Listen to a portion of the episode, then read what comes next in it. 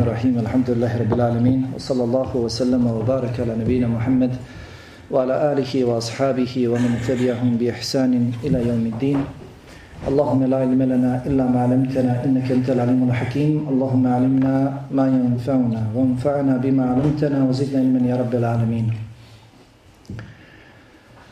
Sva slava i hvala pripadaju samo uzvišenom Allahu. Neka su slava i hvala uzvišenom Allahu onolika kolika je njegova veličina i koliko samo uzvišenom Allahu i dolikuje.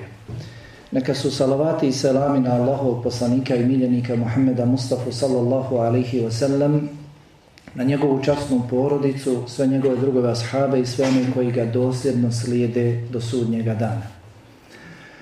Na početku i na kraju i u svakom stanju ponizno i pokorno se vraćamo našem gospodaru uzvišenom Allahu i svjedočimo da nemamo drugog znanja osim onog znanja kojeg nam On podari iz svoje dobrote, blagodati i milosti, pa ga molimo da nam tu svoju dobrotu i blagodat prema nama poveća, da nam podari korisno znanje, znanje od kojeg ćemo se okoristiti, svoj život po njemu uskladiti i tako ga popraviti, a doista je uzvišeni Allah sveznajući, svemogući i mudri.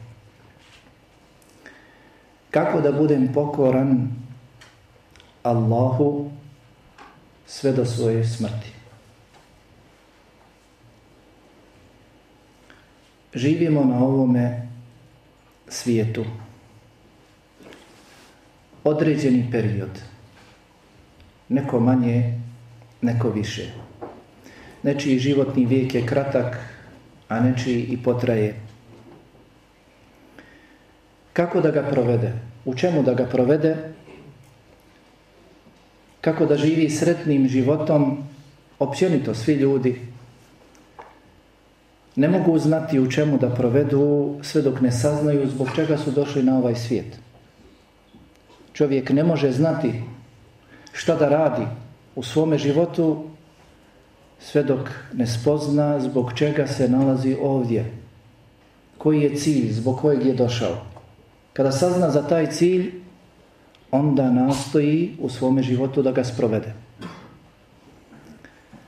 Mi, vjernici u Allaha subhanahu wa ta'ala, vjerujemo da nas je Allah ovdje doveo, stvorio nakon što nismo bili spominjati jer nismo postojali, doveo nas je zbog posebnog cilja. I taj cilj trebali smo sebi, trebali bismo sebi stalno spominjati. Jer je poseban.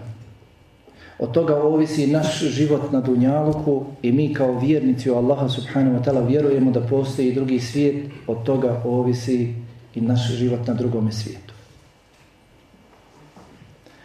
Allahu ništa nije potrebno. Stvorio nas je, nije bio u potrebi za nama doveo, vas na, doveo nas na ovaj svijet nije u potrebi za nama. Taj cilj zbog kojeg nas je stvorio, on nije potreban. Mi smo potrebni toga. Na mnogim mjestima u Kur'anu Allah pojašnjava cilj stvaranja nas i svega. Sve što je Allah stvorio, stvorio je s razlogom. Nebesa, zemlju, ono što je na njima, nebesima, zemlji, između ostalog i mi, stvorio je s razlogom. Nije stvorio iz igre i zabave. Allahu to ne dolikuje. Efe hasibitum ennama halaknakum abetha Zar mislite da smo vas stvorili iz igre? Wa annakum ilajna la turđaun. Aha. I da se nama nećete vratiti. Vratit ćete se nama.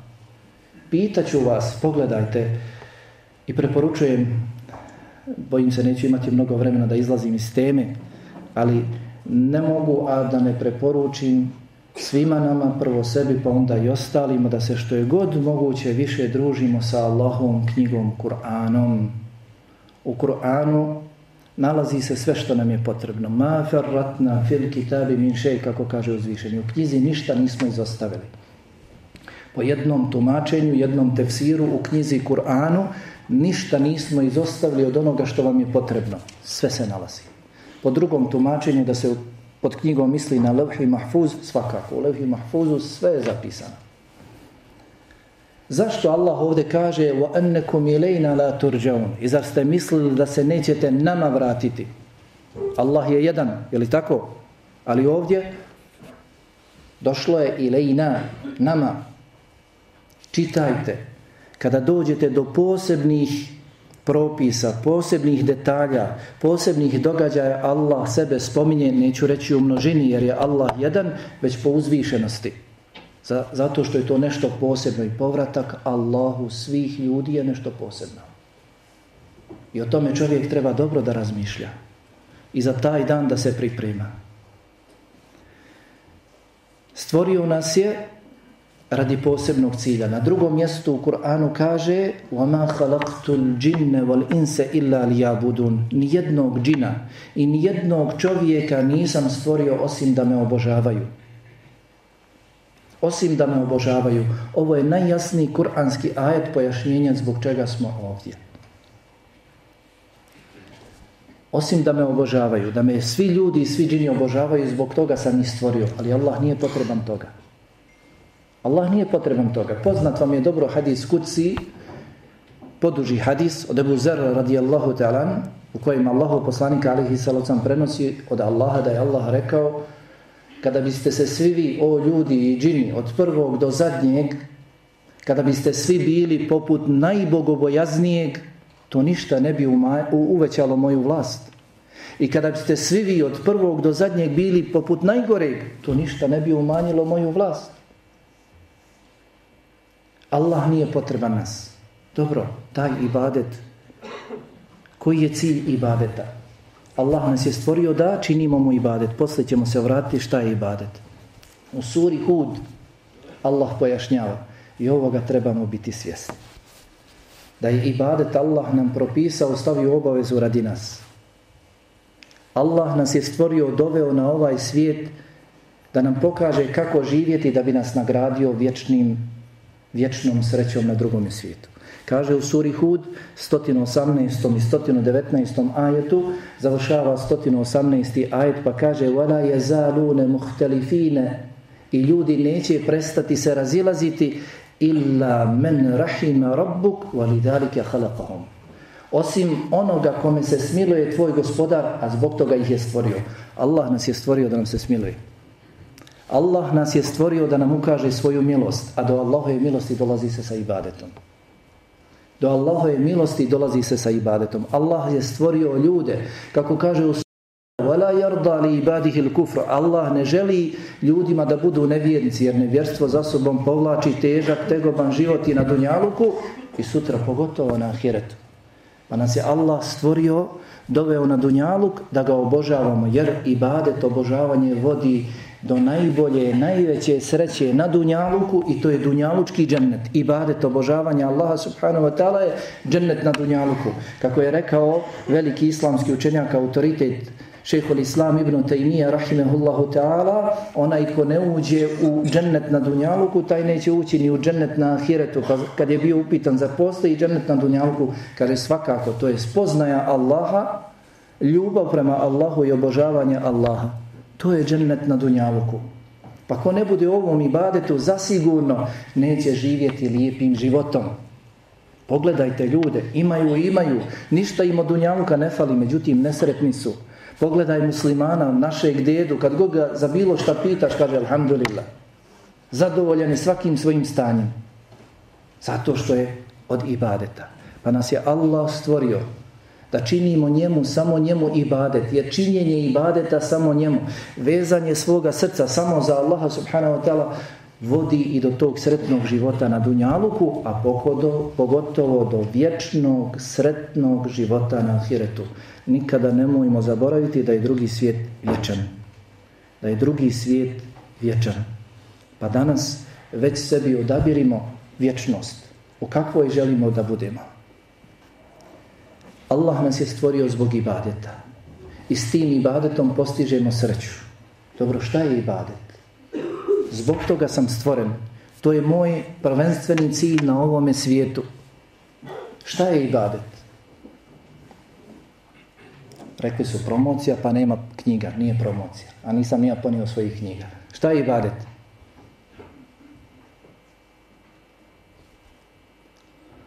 Ha, pa zbog toga smo stvoreni, šta je ibadet? Neću primjer, hoću definiciju.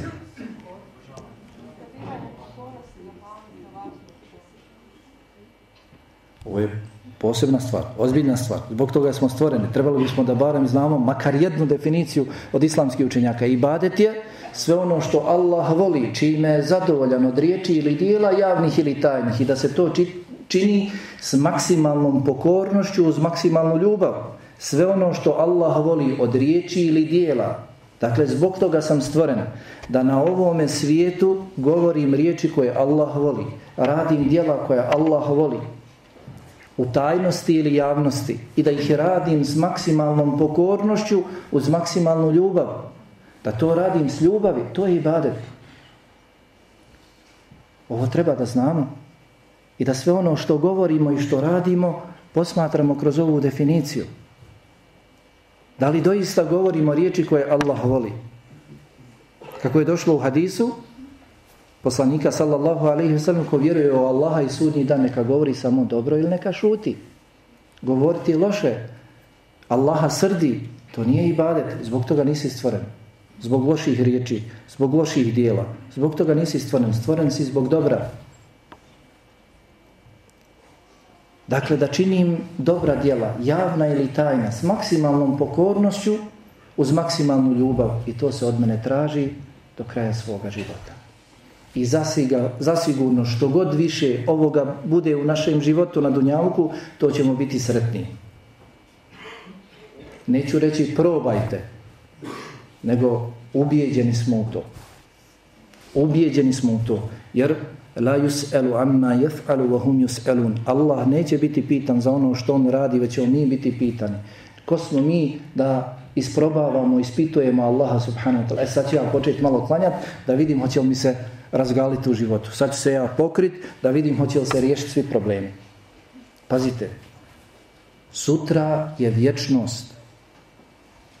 Samo je nam kroz Kur'an i hadis približen džennet. Kako kaže Ibn Abbas radijallahu anhuma, to su samo isti termini, isto se zovu.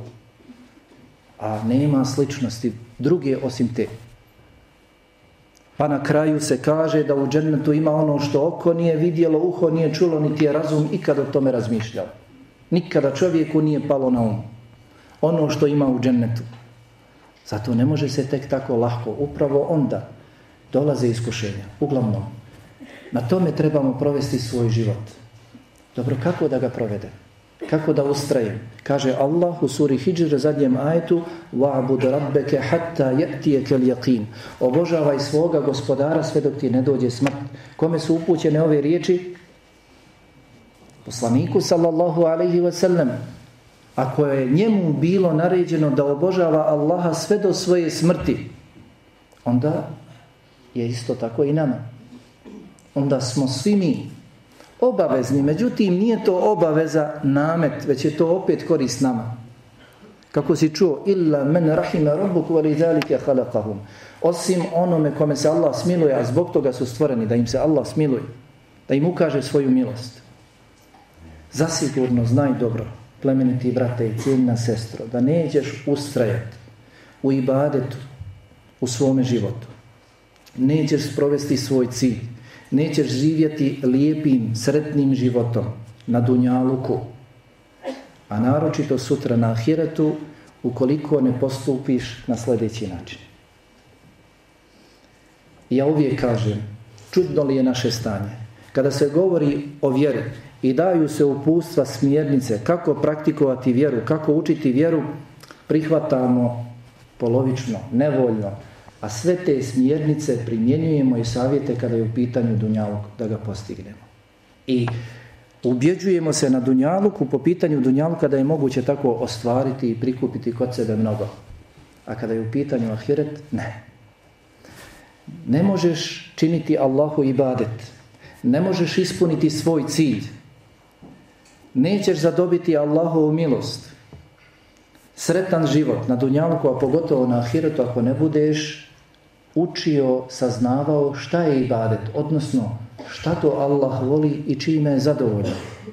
Kako da činiš Allahu ibadet ako ne znaš šta je ibadet? Ako ne znaš šta Allah od tebe traži? Zato na prvom mjestu onaj koji želi sretan sebi život na dunjaluku, rahatluk, širinu prsa, duševni smiraj, a zatim pogotovo to na ahiretu mora tražiti šerijatsko znanje. Mora učiti vjeru. Hoćeš na dunjalku da imaš dunjaluka mnogo, sigurno ideš, školuješ se, ne gledaš na vrijeme koliko treba potrošiti vremena, zato što ćeš to dobro unovčiti. Međutim, kada je, kada je u pitanju naša vjera, ahiret, koliko se školujemo za to? Koliko učimo vjeru? Ovako su tribine posjećene, alhamdulillah, ali da malo zavirimo na skupove druge, po džamijama ili na drugim mjestima gdje se održavaju predavanja, možemo na prste ruku izbrojati braću i sestre koje traže znanje, koje traže, uči znanje. A bez znanja nigdje nismo prispjeli. Kako da obožavaš Allaha subhanahu wa ta'ala, da činiš ono što Allah voli, sa čime je zadovoljan ako ne znaš? Kako da ponudiš ono što nemaš? Kako da ispuniš svoj cilj? Nije vraćao samo namaz i badet, kako neko navede primjer, ali nije samo namaz i badet. Nije samo post i badet.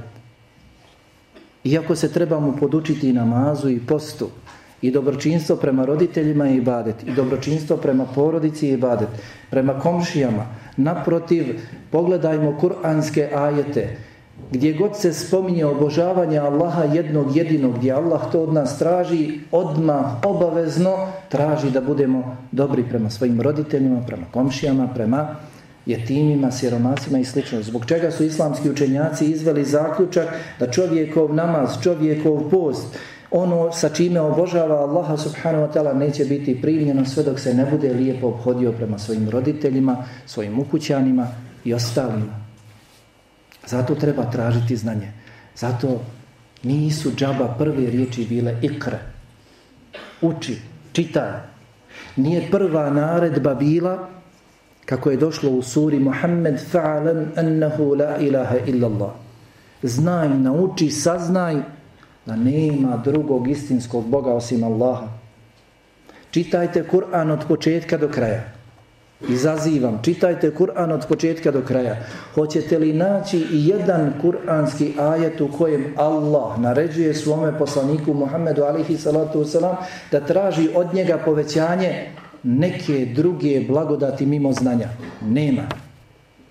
114. ajet sure Taha u njemu kaže Allah subhanahu wa ta'ala Kul, reci, naređujemo svome poslaniku Muhammedu alihi salatu wasalam reci وَقُرْ رَبِّ زِدْنِ ilma I reci gospodaru, povećaj mi znanje. Nećeš naći od početka do kraja Kur'ana na ovakav način da Allah naređuje svome poslaniku da traži od njega povećaj mi metak, povećaj mi potomstvo, povećaj mi zdravlje, povećaj mi životni vijek. Ne!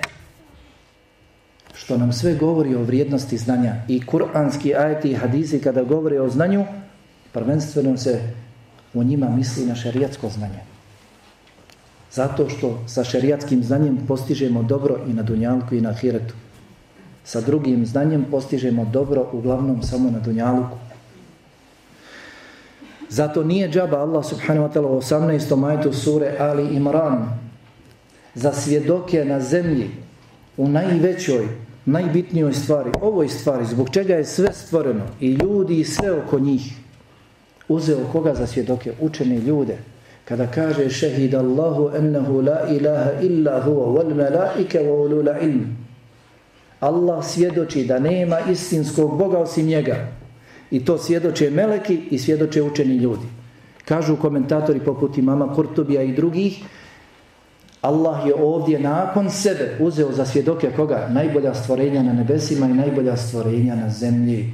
Da je bilo boljih stvorenja na zemlji od učenih ljudi, Allah bi ispomenuo. Ali nema, učeni ljudi su najbolji.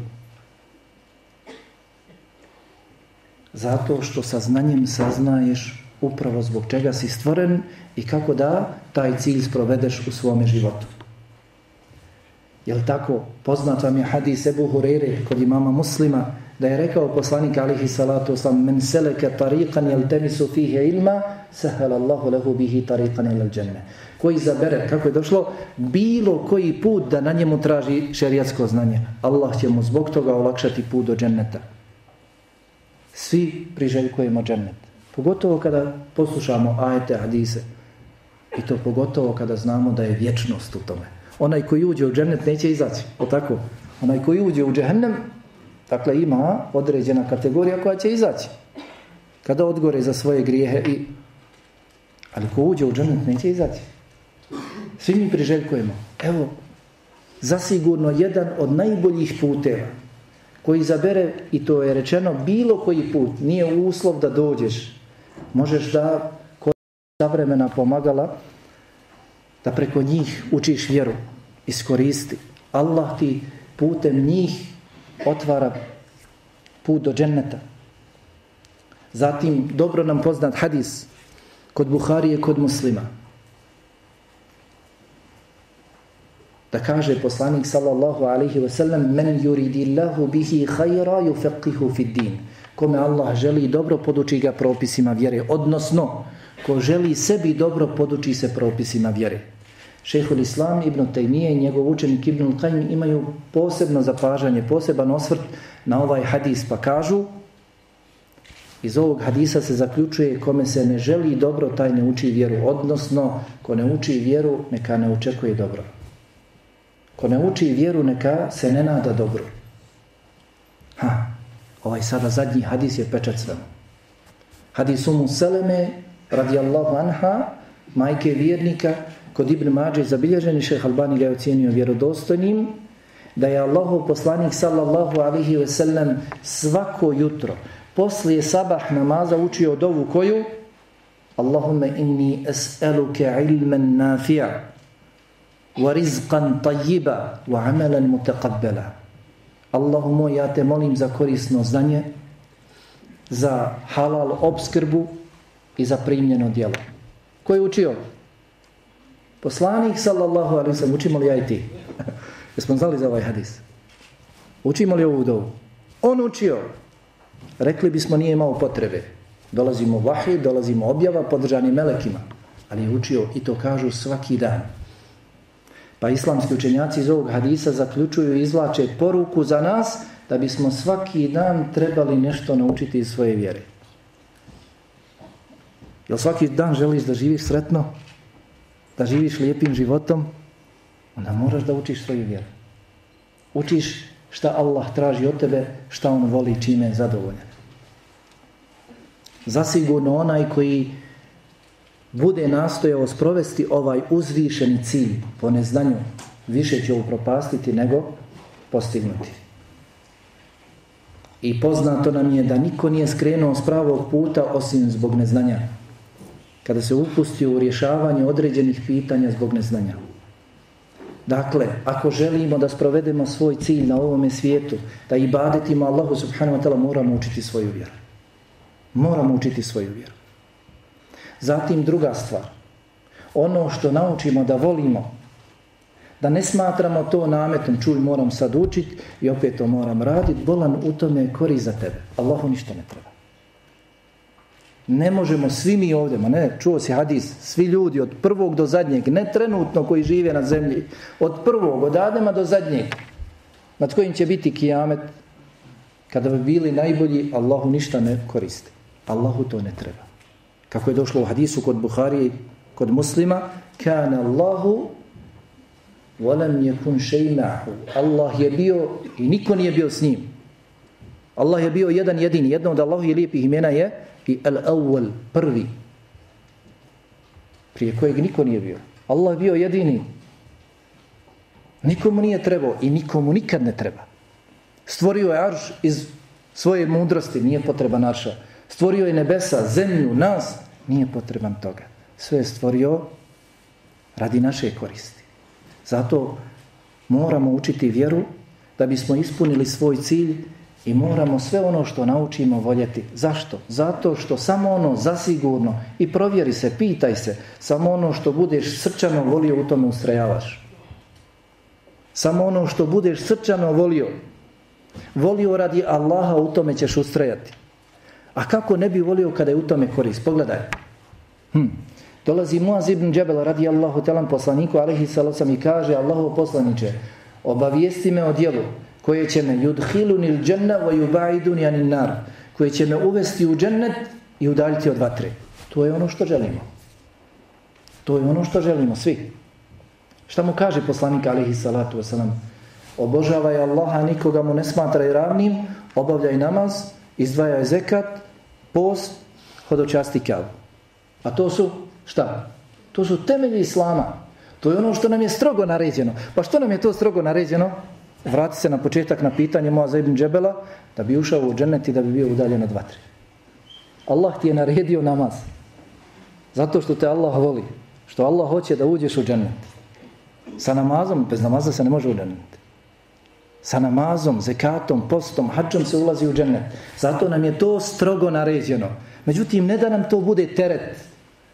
Već Allah voli ta dijela, s tim dijelima se zasigurno ulazi u džennet. Allah voli da budemo u džennetu.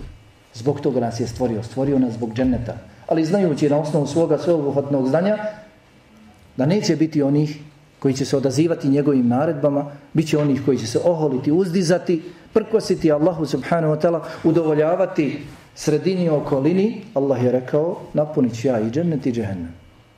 Napunit ću ja i džennet i džehennem. وَتَمَّتْ كَلِمَةُ رَبِّكَ لَأَمَّ أَنَّ جَهَنَّمْ I obistinit će se riječi tvoga gospodara, zasigurno ću napuniti džehennem. Zato moramo voljeti. Sve ono što naučimo od svoje vjere, moramo to srčano voljeti. Kako da volimo? Moramo svoje srce ispuniti ljubavi prema Allahu subhanahu wa ta'ala prije svega. Jer kasnije sve što dođe od Allaha subhanahu wa ta'ala to voliš. I znaj dobro da svaki cilj koji prestaje sa svojom smrću nije vrijedan. Svaka korist koja prestaje sa smrću nije vrijedna. A to je ono što se, zašto se mi uglavnom u životu na ovome svijetu vežemo. Tražimo ljubav ljudi, mi ili oni umiremo i gotovo, prestaje. Tražimo položaj, prije ili kasnije prestaje. I ostalo. Trebamo tragati za Allahovom ljubavi, za Allahovim zadovoljstvom. Ljudi se mijenjaju, danas te vole, sutra te mrze. Danas su zadovoljni s tobom, zaklinju se Allahom, kažu da te vole radi Allaha, sutra te mrze radi Allaha. To je fenomen kod nas postao za izučavanje, treba doktorska disertacija. Ljudi koji ste dojuče volili sad te mrze radi Allaha. Ljudi se mijenjaju. Ljudi nisu svjesni šta govore. Treba tražiti Allahovu ljubav i Allahovo zadovoljstvo. Postignuti ljudsko zadovoljstvo je cilj koji ne može se postignuti. A Allahovo zadovoljstvo je tekako žudimo za dunjalukom, da nam je, da imamo, imamo. Čuli ste, najveći historijski sastanak u historiji čovječanstva se održao gdje? Pod drvetom, Hudejbiji. Zašto je to najbolji i najveći sastanak? Jer je Allah spustio svoje zadovoljstvo na učesnike. Pa mi želimo da imamo ovo, želimo da imamo ono. Sve to prolazno. Treba da imamo Allahovu ljubav, da volimo Allaha subhanahu wa ta'ala. Odnosno, da težimo da Allah nas zavoli. Vjernici vole Allaha. Kada bismo pitali sve jednog, iako da ne ispitujem, jel? rekli bismo da volimo Allaha. Imaju određeni pokazatelji koji pokazuju da li doista voliš Allaha ili ne. Ali kako kaže Ibn Qaim rahimahullahu ta'ala, nimalo nije čudno to što ha, siromah voli imućnog. Kada ga imućni pomaže. Jel tako? Nije čudno. Voli ga, pomaže mu, svaki dan mu daje. Nimalo nije čudno to što potlačeni voli snažnog koji ga štiti, i brani, zulum, nepravdu, odbija od njega. Ali i tekako čudno kada imućni voli siromaha. I tekako čudno je kada onaj snažni, jaki, najjači voli potlačenog sićušnog. I tekako je čudno kada Allah voli nas. To što mi volimo Allaha nimalo nije čudno. Pogledaj kako te Allah lijepo stvorio. Skladno stvorio. Prije 30-40 godina nisi bio vrijedan spomena. Nisi se spominjao. Allah kaže da je čovjeka stvorio u najljepšem liku. Podario nam blagodati. Va in ta'uddu ni'mat Allahi la tuhsuha. Ako biste brojali Allahove blagodat, ne biste ih mogli nabrojati. poslao knjigu, poslao poslanika, želi nam da uđemo u džennet i uvešće vjernike u džennet, podariti im vječan džennet. Trebamo tragati za Allahom ljubavi, to je cilj kojim trebamo težiti. Pa ćemo, kada zavolimo Allaha subhanahu wa ta'ala, a zavoljet ćemo ga, kako ćemo zavoljeti Allaha subhanahu wa ta'ala, koji su putevi do Allahove ljubavi, kako da zavolimo Allaha, prije svega, druženje sa njegovom knjigom Kur'anom, čitanje, učenje, izučavanje, proučavanje Kur'ana. Naši prethodnici, Abdullah ibn Mas'ud, Osman radijallahu ta'ala anhuma i drugi, ashabi su govorili ko tvrdi da voli Allaha, neka se okuša sa Allahovom knjigom.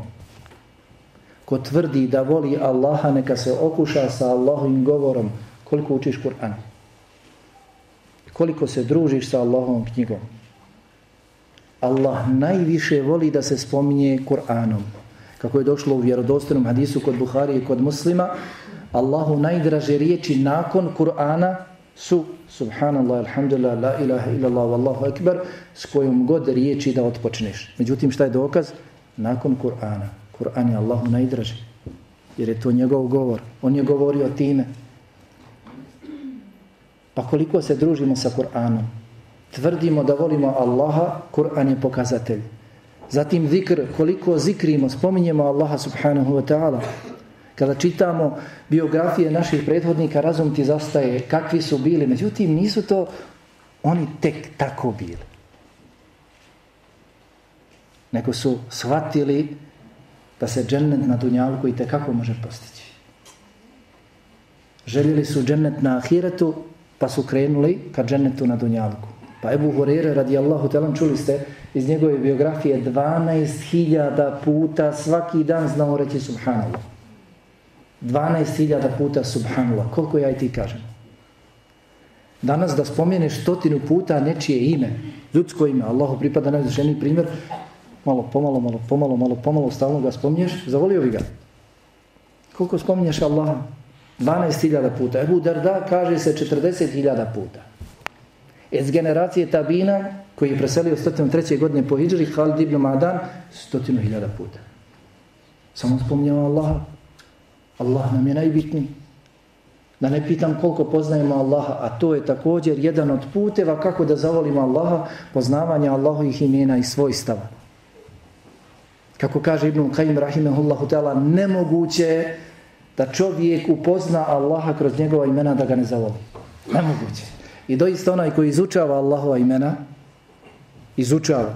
Ne samo upozna se Ar-Rahman, znači svemilosni, arrahni, milosti i tako, nego uđe u tu tematiku i izučava šta je Ulema govorila, kuranski ajti koji govore o tome povezuje, proučava, nemoguće da ne zavoli. A onaj koji zavoli Allaha, nemoguće da mu bude, da mu bude nakon toga nepokoran. Zatim mnogobrojne na file To dovodi do ljubavi prema Allahu subhanahu wa ta'ala. Ovo nam je sve potrebno da bi kasnije što god naučimo iz vjere, drage duše prihvatali. U najmanju ruku prihvatali, pa se trudili vedemo. Kako su naši prethodnici bili? Doista, kada čitamo njihove biografije, razum ti zastane. Ali upravo zbog ovoga, što su se trudili, nastojali, što su shvatili na ispravan način ela inne sil'at Allahi l'galije ela inne sil'at Allahi l'đenne Allahova roba džennet je skup. Allahova roba džennet je skup ne može se tek tako. Pa kaže jedan od njih neprestano sam vukao svoju dušu Allahu. Borio sam se sa svojom dušom. Allah naređuje ovo duša hoće drugo. Allah traži duša traži drugo. Vukao sam a ona je plakala. Ne, hoću provod, kao što većina ljudi hoće provod. Većina ljudi vidi samo konkretno danas. Zato pogotovo vi ste ovdje uglavnom u gradu, ali tako? Ne znam kako se ovdje ide po dženazama. Ali da platite da odete na dženazu u selo neko i da prisustvujete dženazi i ukopu i da vidite kabur i kako se vrijede lobi. Otiđi negdje gdje je požar pa vidi kakva je vatra, približi se što je god moguće bliže, ali znaj da je džehennemska vatra 60-79 puta jača. Kod imama Ahmeda u njegovom rivajetu stotinu puta. Pa nemoj gledati samo ono konkretno. misleći da je život. Mi kažemo, počesto mnogi kažu, jeste, postoji drugi svijet, ali nisu ubijeđeni u to. To samo slazi iz njihovog jezika. Nisu ubijeđeni. Najbolji dokaz da nisu ubijeđeni jeste njihov život. Ne pripremaju se za to. A ljudi mogu svašta reći. Kako kažu stari jezik je u mokrom. Ha, pa dakle moramo zbog ovoga poduzimati mjere. Kako da zavolimo Allaha subhanahu wa ta'ala da bi kasnije sve što dođe od Allaha subhanahu wa ta'ala da bismo voljeli. Zašto je još bitno da ono što naučimo od vjere da volimo, da to zavolimo, da to prihvatimo i pored toga što znamo da je u tome kori za nas. Zato što preziranje nečega iz Allahove vjere je dijelo nevjerstva. Da čovjek prezire nešto iz Allahove subhanahu wa ta'ala vjere je kako opasno. Zatim, brate i sestru, ono što saznaš da je od ibadeta, naučiš, pa to voliš, onda čvrsto odluči da radiš. Odmah. Nemoj čekat sutra ću, prekustra ću, dok završim školu, dok se zaposlim, dok se udam, dok se oženim, dok malo skupim i metka, odmah. Zašto? Niko od nas ne zna kada će umrijeti. Niko od nas ne zna kada će umriti. Ono u čemu budeš provodio svoj život, znaj dobro da ćeš na tome umrijeti. A ono na čemu umreš, na tome ćeš biti proživljen. Svati da svi oni koji su oko tebe, koji te odvraćaju i koji ti kažu ima vremena, kažu islamski učenjaci, te svih ovo sutra ću, sutra ću je kaže najbolji šeitanov vojnik. Najbolji šeitanov vojnik, najbolje odradi ljude. Sutra ću, sutra ću, sutra ću ti ćeš sam, kao i ja, peti, deseti, svi mi, sami u kabor ćemo biti spušteni. Sami ćemo biti proživljeni svoga kabora. Sami izaći pred Allaha, našeg gospodara. Moja dijela će se, samo moja dijela, tada kada dođe red na mene da se obračunavam, samo moja će se dijela obračunavati. Neće niko pridodati. Ne gledaj plaho na okolinu. Šta će reći? Prije ili kasnije ćete ostaviti svi kada zadovolje danas pogotovo svoj dunjalučki interes. Ostavi bolan i ti njih radi svoga ahiretskog interesa. Ostavi ti njih radi svoga ahiretskog interesa. Sve ono što se ispriječava između tebe i Allaha nije vrijedno. Mako bio, ma šta bilo. Ne odgađaj. Čvrsto donesi odluku.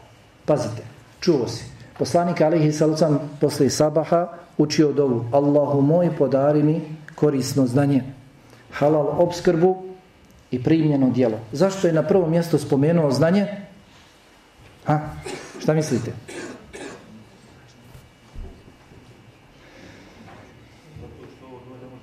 Ovo dvoje ne može bez korisnog znanja. Ne može čovjek da zna šta je halal obskrba ako nema znanje niti čovjek može da radi djelo da bi mu bilo primljeno kod Allaha ako ne zna koji su uvjeti primanja dijela kod Allaha. Kako, na koji način da čovjek učini dijelo.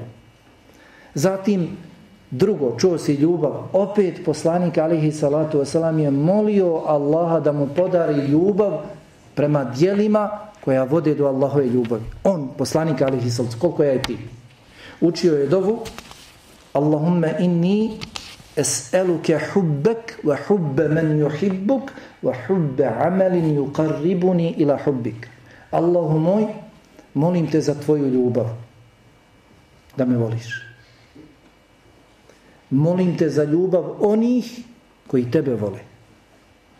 Molim te da me zavole oni koji tebe vole. Šta me imaju voljeti oni koji tebe ne vole? Oni koji tebe ne vole, a mene vole, vole me radi dunjalskog interesa. Sigurno. Zato je došlo u Kur'anu Al-akhillau yawma idhin ba'duhum li ba'din adu illa al-muttaqin. Toga dana, sudnjeg dana, prijatelji dunjalučki će postati jedni drugima neprijatelji, osim onih koji su se voljeli radi Allaha. Prije ili kasnije svi će nas ostaviti. nemamo. Kad vrate se na, na 21. i 22. ajed sura Ibrahim, u 21. ajetu se spominje kada će se društvo u džehennemu odreći jedni drugi kada će se odricati, a nakon toga doće što kažu šlag, doće šeitan, kada se zatvore vrata dženneta i zatvore se vrata džehennema, doće i održati poznatu svoju hutbu, kada će reći ljudima Allah vam je davao obećanje. Je li Allah obećao da će napuniti džennet i da će napuniti džehennem? Jeste, Allah je ispunio svoje obećanje. Ja sam vam davao obećanja, ali sam ih ja pronevjerio. Međutim, kaže, nemojte koriti mene, već korite sebe. Ja sam vam samo pozivao i vi ste mi se odazivali. To će šeitan na kraju reći. Svi će nas ostaviti. Jedino Allah svoga roba nikada neće ostaviti. Zasigurno. I kod ove treće stvari, poslanik alihi salatu oslam je dovio Allah, pogledajte, i kod prve, kod korisnog znanja, i kod ljubavi, da voli ono što je Allah propisao, i kod ovoga trećeg, da bude odlučan u sprovedbi onoga što zna, onoga što Allah traži. Pa je učio Allahumme inni es'eluke es-sebate fil emri wal azimete ala rušt. Allahumo, ja te molim za postojanost na pravom putu i odlučnost u vjeri. Da budem postojan i da budem odlučan. Nešto što naučim, da budem odlučan da ću to primijeniti i da ustrajemo u tome do kraja svoga života. Kako kaže Ibn Qaim Rahimahullahu ta'ala, zbog ovoga dvoga i postiže se svaki hajr. I onoliko koliko manjka ovoga dvoga kod čovjeka, toliko manja, manjka i hajra. Ako nisi odlučan i nisi postojan, nećeš početi raditi dijelo, niti ako počneš nećeš ustrajati ako nisi postojan, ako nisi, ako nisi ustrajan u tome. Poslanik alihi salatu sam je to učio, mi smo preči da to učimo. I svi ovi hadisi su vjerodostojni, može se po njima raditi. Zatim, ono što saznamo da je ibadet, i to zavolimo jer je korist u tome, jer time postižemo sretan život na dunjalu koji na ahiretu. I čvrsto odlučimo da radimo i treba da radimo, da požurimo da radimo, da ne čekamo nikoga, da ne odgađamo ibadet ni radi koga, niko nije vrijedan. Makar to bili naši roditelji. Oni tražili od nas nešto što nam Allah strogo naređuje. Uz dužno poštovanje nema pokornosti stvorenju u nepokornosti stvoritelju. Pojasnit ćemo babi i majici ali ćemo se odazvati Allahu i nećemo uopšte razmišljati o tome. Ono što nam je Allah strogo naredio. Čuli ste hadise brojne u kojima poslanik alihi salacom kaže požurite sa dobrim dijelima radite dobra dijela, požurite. Svako bi od nas volio, opet kažem, da svaki dan živi lijepim, sretnim životom. Da mu je stalno lijepo. Pa dobro, onoliko koliko budeš imao i badeta kod sebe, toliko će ti biti lijepo. Onoliko koliko se budeš odazivao Allahu subhanahu wa ta'ala, toliko će ti biti lijepo. Zasigurno. Ako želiš da ti bude lijepo, požuri i ustraj, ustraj u tome.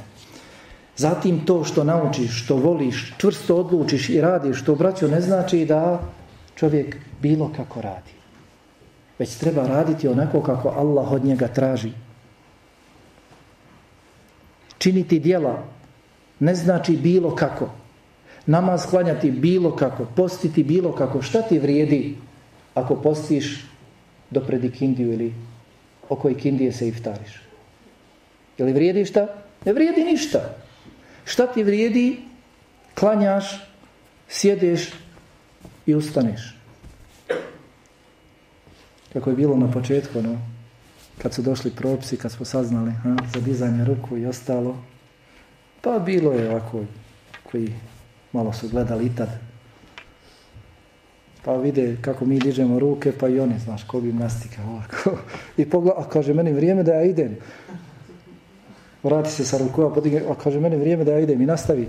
Ode, ostavi namaz, ode za svojom potrebom. Šta vrijedi čovjeku ako namaz ne privede kraju?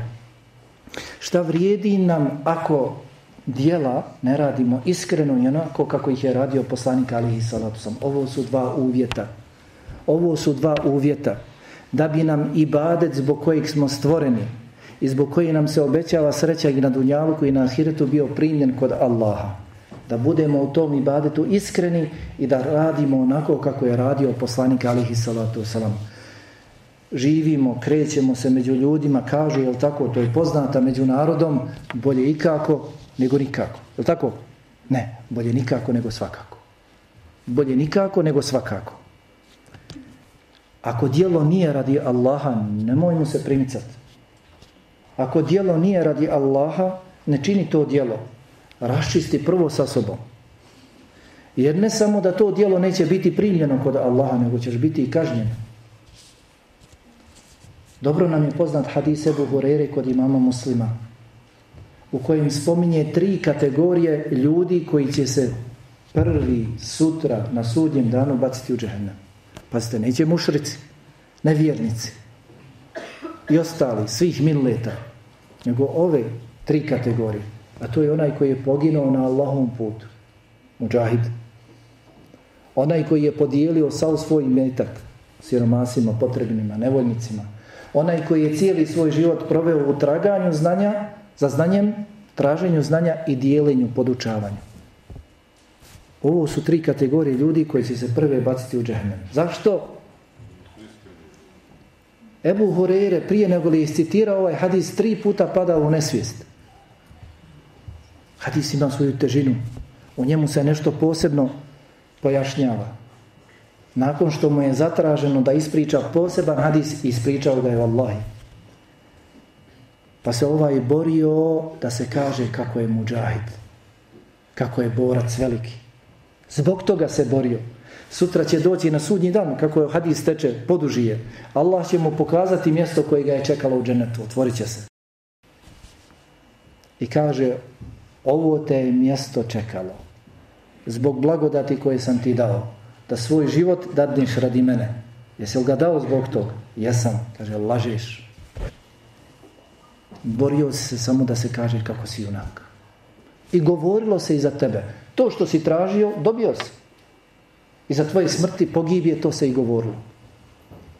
Pa će biti odveden, kaže se u hadisu, na nosu odvučen i bačen u džehennem. Drugi koji je podijelio sav svoj metak. Zbog čega si to radio? Zbog tebe. Kada vidi mjesto koje ga je čekalo, kaže, zbog tebe gospodara. Kaže, lažeš, već si dijelio i metak da se kaže kako si da reživ. I to se govorilo. Ono što si tražio, to si i dobio. Danas ništa nema kod nas. I treći koji je tražio znanje i dijelio znanje, sve to radio samo da se kaže kako je učen. I govorilo se. Zato je došlo u drugom hadisu ko bude tražio znanje s kojim se traži samo Allahovo lice. Ali on bude tražio nešto drugo, neće osjetiti miris dženeta. I ovo su tri kategorije s kojima će se raspaliti i rasplamsati džehennem. Zašto? Nisu bili iskreni u svojim djelima. I nemojmo misliti da je to lahko ostvariti. Nemojmo misliti da je lahko činiti ibadet radi Allaha. Ne kažem ja, to kažu naši prethodnici. Selefu salih govorili su ni sa čim se više nisam borio kao što sam se borio sa svojim nijetom. Otpočnem dijelo pa mi šetan priđe, uljepša radi nekoga drugog. Pa ga savladam, priđe mi sa druge strane. Kada su bili upitani šta je najteže za dušu, rekli su iskrenost. Jer duša kao i sve drugo želi nešto za sebe. U iskrenosti, u dijelu moraš biti sto posto iskren da ga činiš radi Allaha. Nema ništa ni za dušu. Ništa. Duša će dobiti svoje. Na drugome svijetu. Ovo nimalo nije lahko. Zato je Ulema govorila kada bismo imali učene ljude da nam govore samo o nijetu. Da nas podučavaju samo nijetu. I da nas opominju stalno na nijet, bilo bi dovoljno od njih. Iskrenost ostvariti nimalo nije lahko. Zatim drugi uvjet da to bude kako je činio poslanik alihi salatu wasalam. Možeš biti sa sobom poraditi i dijelo iskreno radi Allaha, ali ga ne činiš kako je činio poslanik alihi salatu wasalam dijelo neće biti primljeno. Ne kažem ja, kaže poslanik alihi salatu sam, men amila amelen, lejse alihi emruna, fa. Ko uradi neko dijelo koje nije od naše vjere, ono mu se odbija. Neće biti primljeno. Zbog čega ga je Allah poslao ako ćemo ja i ti izmišljati ibadet. Mi ne znamo što Allah voli i čime je zadovoljan. I kako to obaviti? Poslao je svoga poslanika. Zato ha, spominju se četiri rukna vjerovanja u poslanika Muhammeda alihi salatom. Četiri temelja. Kažemo svaki dan nekoliko puta u namazu, mimo namaza ašhadu an la ilaha illallah wa ašhadu anna Muhammedan Rasulullah. Svjedočim da nema istinskog Boga dostojnog obožavanja mimo Allaha i svjedočim da je Muhammed Allahov poslanik. Jedno i drugo svjedočanstvo ima svoje uvjete, odnosno temelje. Smijem pitati? Ovo nisu male stvari. U hadisima se ne kaže ko kaže la ilaha illallah, već men šehide, ko posvjedoči. A svjedočiti nije samo reći. Je tako? I na Dunjaluku ne može se svako uzeti za svjedoka sa ulice, ajde svjedoči. Ne, mora čovjek da čuje, da zna, da je ubijeđen u to. Pa svjedočiti da je Muhammed Allahu poslanik ima četiri stvari, četiri temelja na kojim se gradi to svjedočenje. Zadnji, da ne obožavaš Allaha osim kako ga je on obožavao. Da ne obožavaš Allaha osim kako ga je on obožavao. Zbog čega ga je Allah poslao? Pa kažu radite po ovome, radite po onome, po ovom mesebu, po onom mesebu. Sutra će nas Allah pitati mada eđebtumul murselin. Šta ste odgovorili poslanicima? Kako ste uzvratili na poziv poslanika? Ne na poziv ovoga ili onoga, nego kako si odgovorio na poziv poslanika. Zbog čega je Allah poslao Muhammeda sallallahu alaihi ve sellem ako ćemo slušati ovoga ili onoga i na kraj kraja. Ulema kada govori o tevhidu, obično, je li tako, kod nas je poznato kada se kaže tevhid, vjerovanje u Allahovu jednoću. Jeste, međutim ima i drugo. Vjerovanje u Allahovu jednoću, to jest da se Allah jedini obožava i vjerovanje u slijedjenje jedinog poslanika Muhammeda alaihi sallatu To je isto tevhid. To je isto tevhid.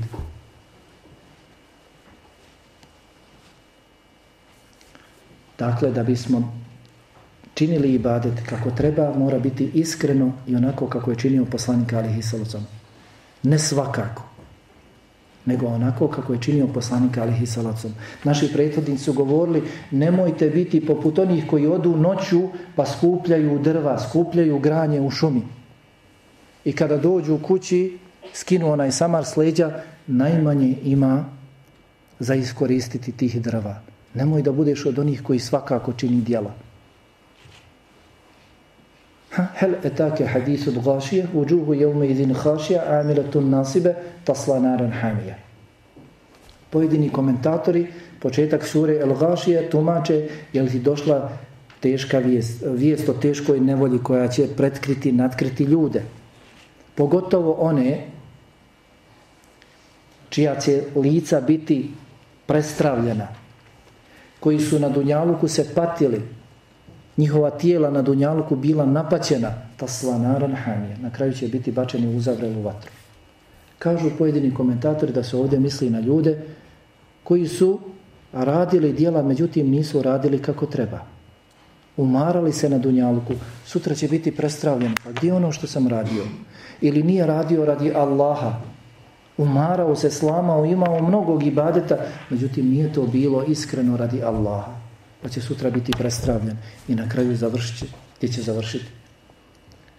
Zato naši su prethodnici govorili bolje malo, ali kako treba. Bolje malo, ali da je radi Allaha subhanahu wa ta'ala i onako kako je to činio poslanik alihi sallam. Zatim, kada naučiš šta je ibadet i voliš to i čvrsto odlučiš, ne osvrćeš se ni radi koga, jer se to tiče tebe, i tvoga života na dunjavku i na ahiretu i požuriš da radiš i radiš kako treba, onda vodi računa da to očuvaš. Jer učinjena dijela se mogu i kako poništiti.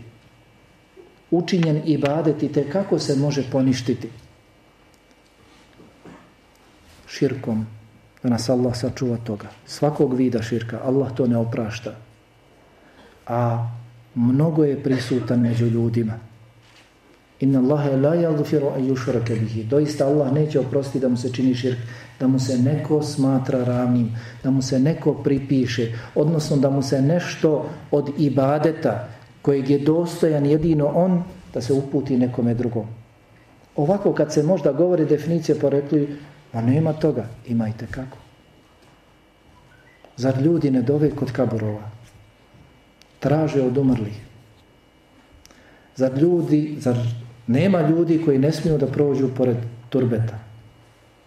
Jer očekuje ako prođe pored turbeta, ne ubaci tamo gvozdenu, da će ga snaći. Naroda koliko god kod nas ima, ne smije preći ako je mačka prešla preko puta.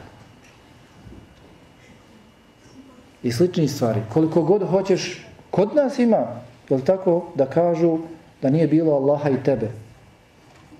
Ono što hoće Allah i ti.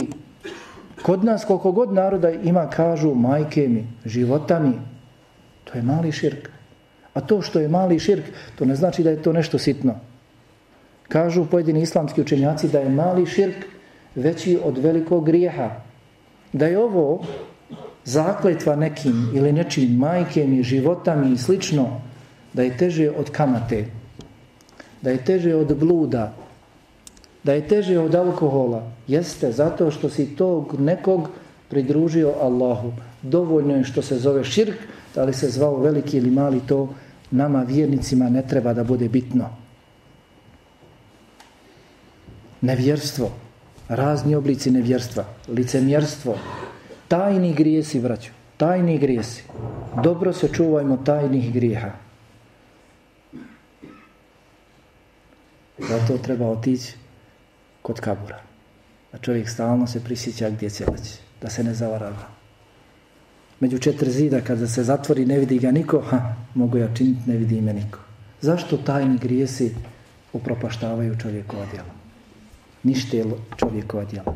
Poznata vam je hadisa Ubana radijallahu ha? Kada kaže poslanik alihi salocam, zasigurno znam ljude iz moga naroda, iz moga umeta, misli se svi oni koji će doći nakon njega, ne od njegovih ashaba, zasigurno znam ljude iz moga umeta koji će doći na sudnji dan sa ogromnim dijelima, poput brda tihame, toliko da se stavi na mizan. Pa će Allah to pretvoriti u prah i pepel. Sve se razletiti. Pa kaže Seuban, ko su oni Allahu poslaniči? Opiši nam ih detaljno, da ne bismo mi bili od takvih. Pa kaže, to su ljudi kao i vi. Izgledaju kao i vi. Klanjaju kao što i vi klanjate. Ali kada se osame, ruše Allahove granice. Kada se osame, čini grijehe. Pregledaju svakakve sadržaje. Svašta radi. Daju do znanja da im je Allah najnebitniji. U javnosti, Boga mi lahko se držati vjeri. Jer imaš brata imaš sestru, uzet će te za ruku, zabranit će ti, stite njih i slično. Ali kada se osamiš među četiri zida, to je bogobojaznost. Jel tako? U definiciji bogobojaznost se kaže kada si u prilici da učiniš grijeh pa ga ostaviš iz straha od Allaha. To je bogobojaznost. Nije bogobojaznost da plačeš, da stalno te spihaš, zikriš, sve je to u redu, ali bogobojaznost je kad si u prilici da učiniš grijeh Ništa te ne sprečava. Niko te ne vidi. Jedino Allah da ga ostaviš zbog toga. To je bogobojaznost.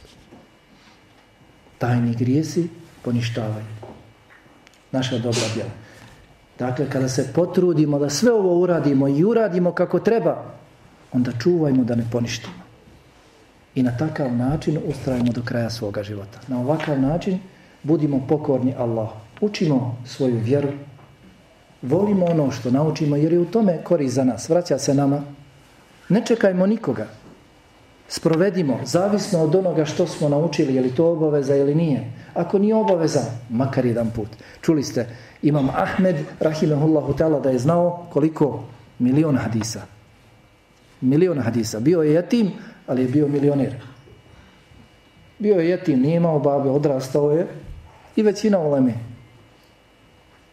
Majka kada ga je poslala, a, dala mu vizu, karticu, master karticu i rekla, hajde, gdje god zatreba, diži.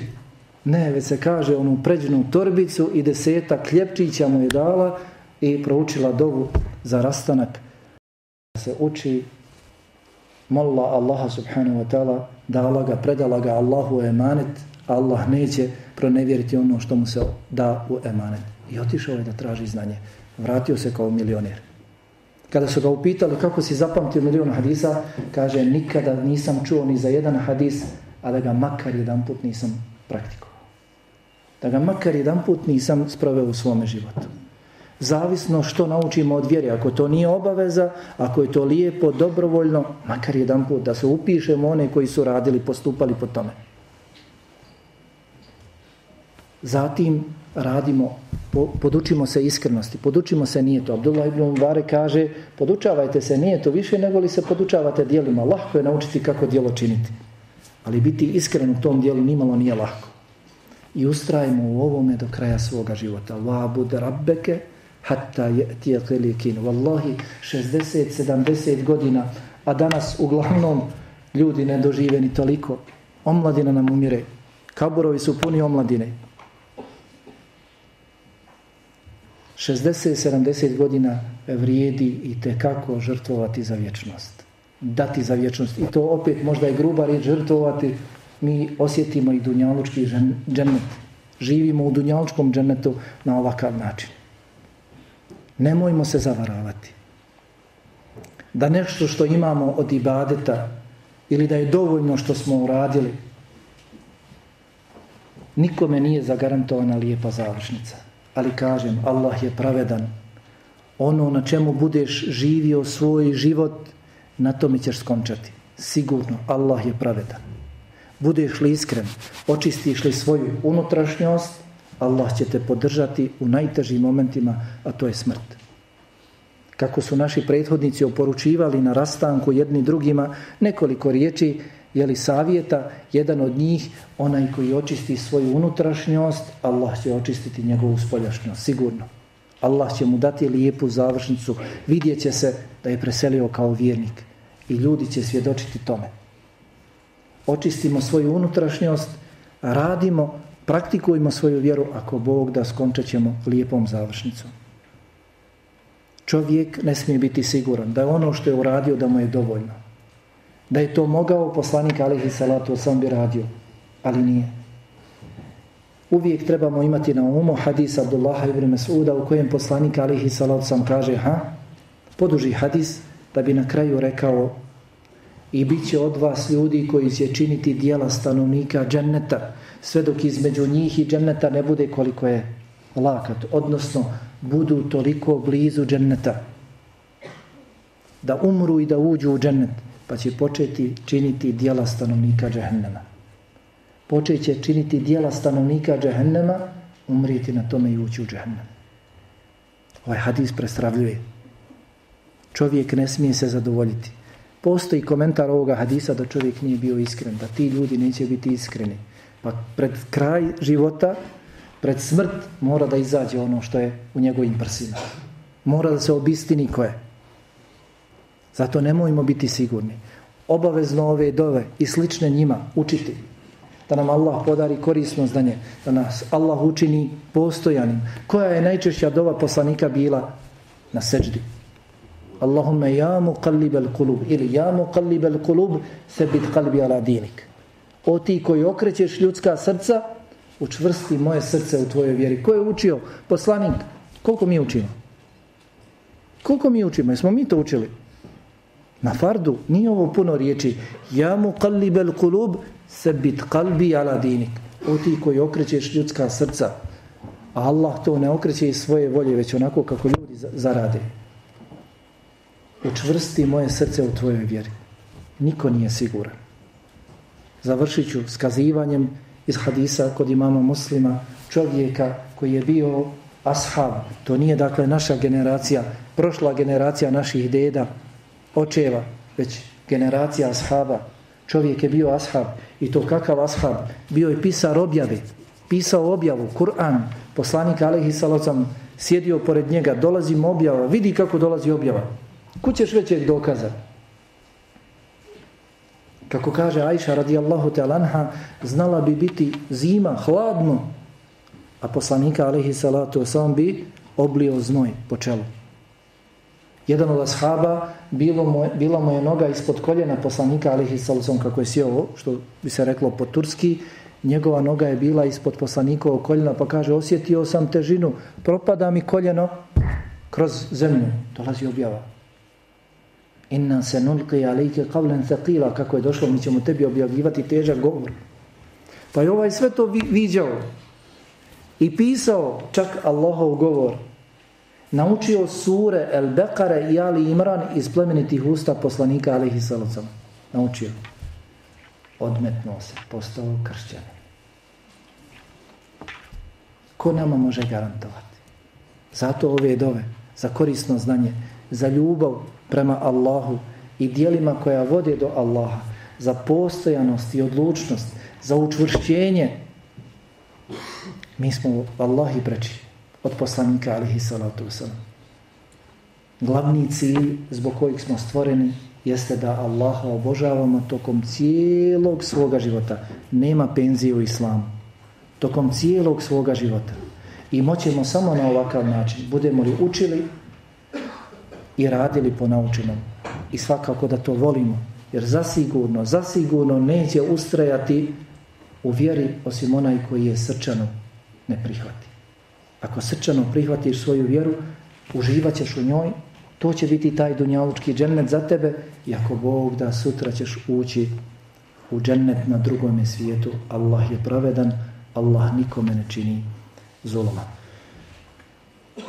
Sahat pet minuta. Molim Allaha subhanahu wa ta'ala da ovaj skup, ako Bog da bude skup Allahovog oprosta, kako je došlo u hadisima poslanika alaihi salatu sam, kada se ljudi sakupe da slave i veličaju Allaha subhanahu wa ta'ala i govore o njegovoj vjeri, da prije nego li ustanu kaže im se sa nebesa glasnik ustanite, vama je oprošteno. Pa molim Allaha subhanahu wa ta'ala da ne ostavi ni jednog od nas, a da mu ne oprosti grijehe koje je prethodno počinio. Molim Allah subhanahu wa ta'ala da oprosti meni, vama, mojim i vašim roditeljima i svim vjernicima, muslimanima i muslimankama. Assalamu alaikum wa rahmatullahi wa barakatuh.